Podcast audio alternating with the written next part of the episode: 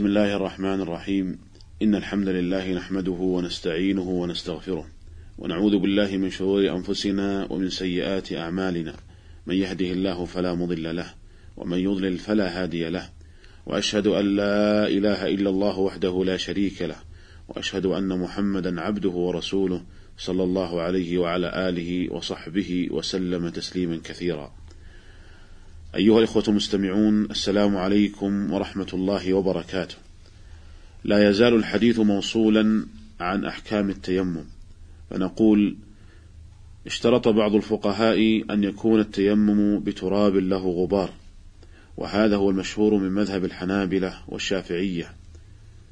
وقال بعضهم: يجوز التيمم بكل ما تصاعد على وجه الأرض من تراب وسبخة ورمل وغيره.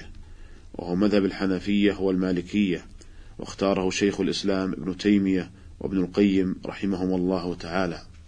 قال ابن القيم كان صلى الله عليه وسلم يتيمم بالأرض التي يصلي عليها ترابا كانت أو سبخة أو رملا وصح عنه أنه قال أيما رجل من أمتي أدركته الصلاة فعنده مسجده وطهوره وهذا نص صريح في أن من أدركته الصلاة في الرمل فالرمل له طهور.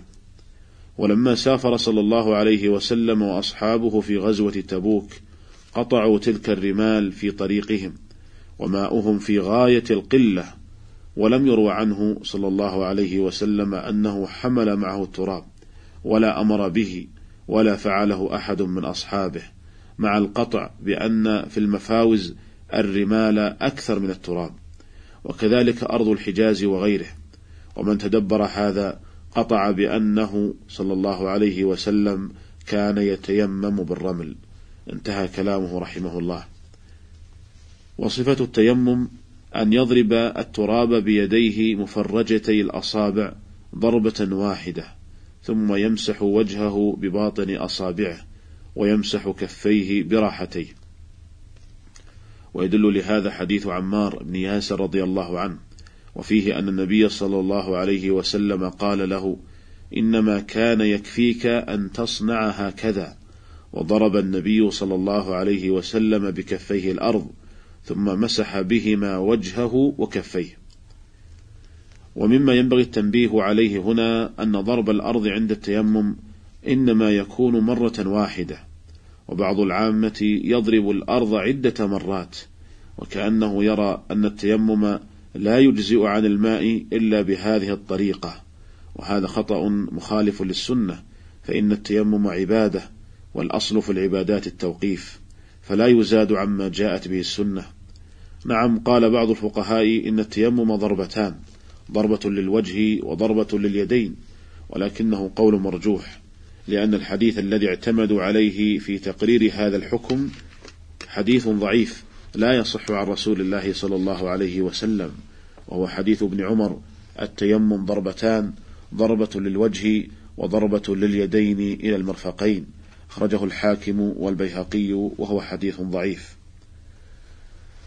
ولا بأس أن ينفخ المتيمم كفيه بعد ضربهما الأرض وقبل مسح الوجه والكفين ويدل لذلك ما جاء في صحيح البخاري عن عمار بن ياسر رضي الله عنه أن النبي صلى الله عليه وسلم قال: إنما كان يكفيك هكذا، فضرب النبي صلى الله عليه وسلم بكفيه الأرض ونفخ فيهما، ثم مسح بهما وجهه وكفيه. قال الحافظ ابن حجر رحمه الله: استدل بالنفخ على استحباب تخفيف التراب، ولهذا جاء في رواية أخرى عند البخاري: ثم أدناهما من فيه، وهي كناية عن النفخ. وفيها إشارة إلى أنه كان نفخا خفيفا. انتهى كلامه رحمه الله.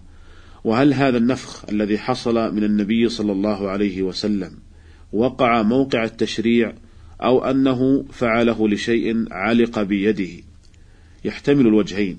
ولهذا بوب البخاري رحمه الله على هذا الحديث بقوله باب المتيمم هل ينفخ فيهما؟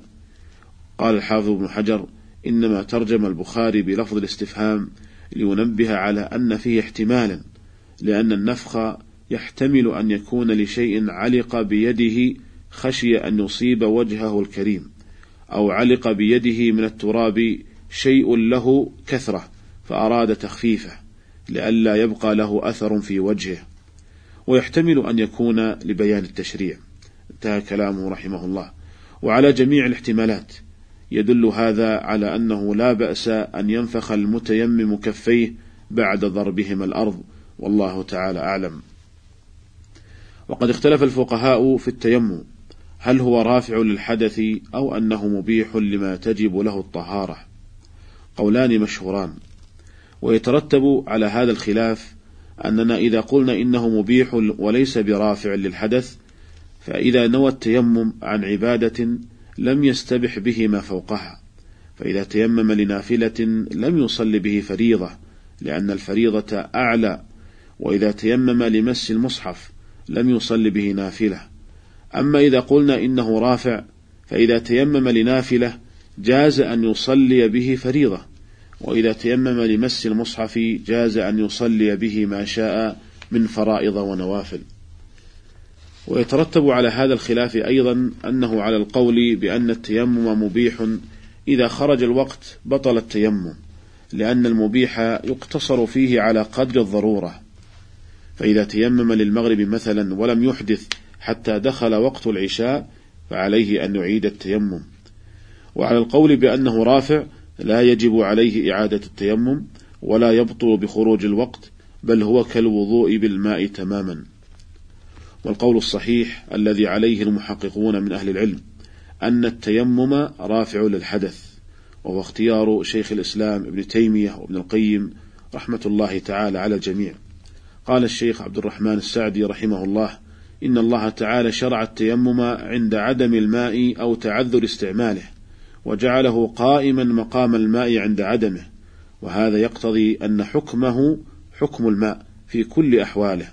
فعلى هذا القول الصحيح لا يشترط له دخول الوقت ولا يبطل بدخوله ولا بخروجه بل إذا تيمم الإنسان لم يزل على طهارة حتى يوجد منه شيء من نواقض الطهارة. وعلى هذا إذا تيمم للنفل استباح به الفرض وما دونه. ومما يؤيد هذا القول أن النصوص لما رخصت في التيمم لم تشترط شيئا من هذه الأمور بل أطلقت حكمه فدل ذلك على أن حكمه حكم الماء في كل شيء من دون استثناء. وهذا أيضا جار على القاعدة المشهورة أن البدل له حكم المبدل. انتهى كلامه رحمه الله.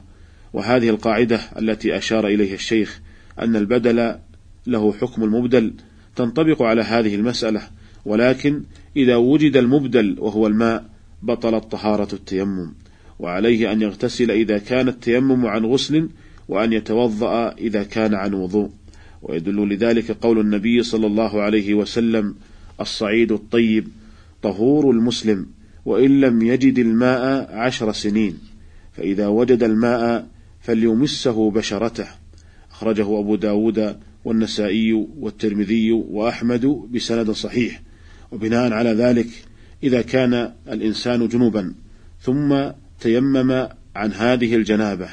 وصلى بذلك فإنه إذا تيسر له الماء كأن وصل إلى بلد الإقامة مثلا وتيسر له الاغتسال بالماء فإنه يجب عليه أن يغتسل بالماء.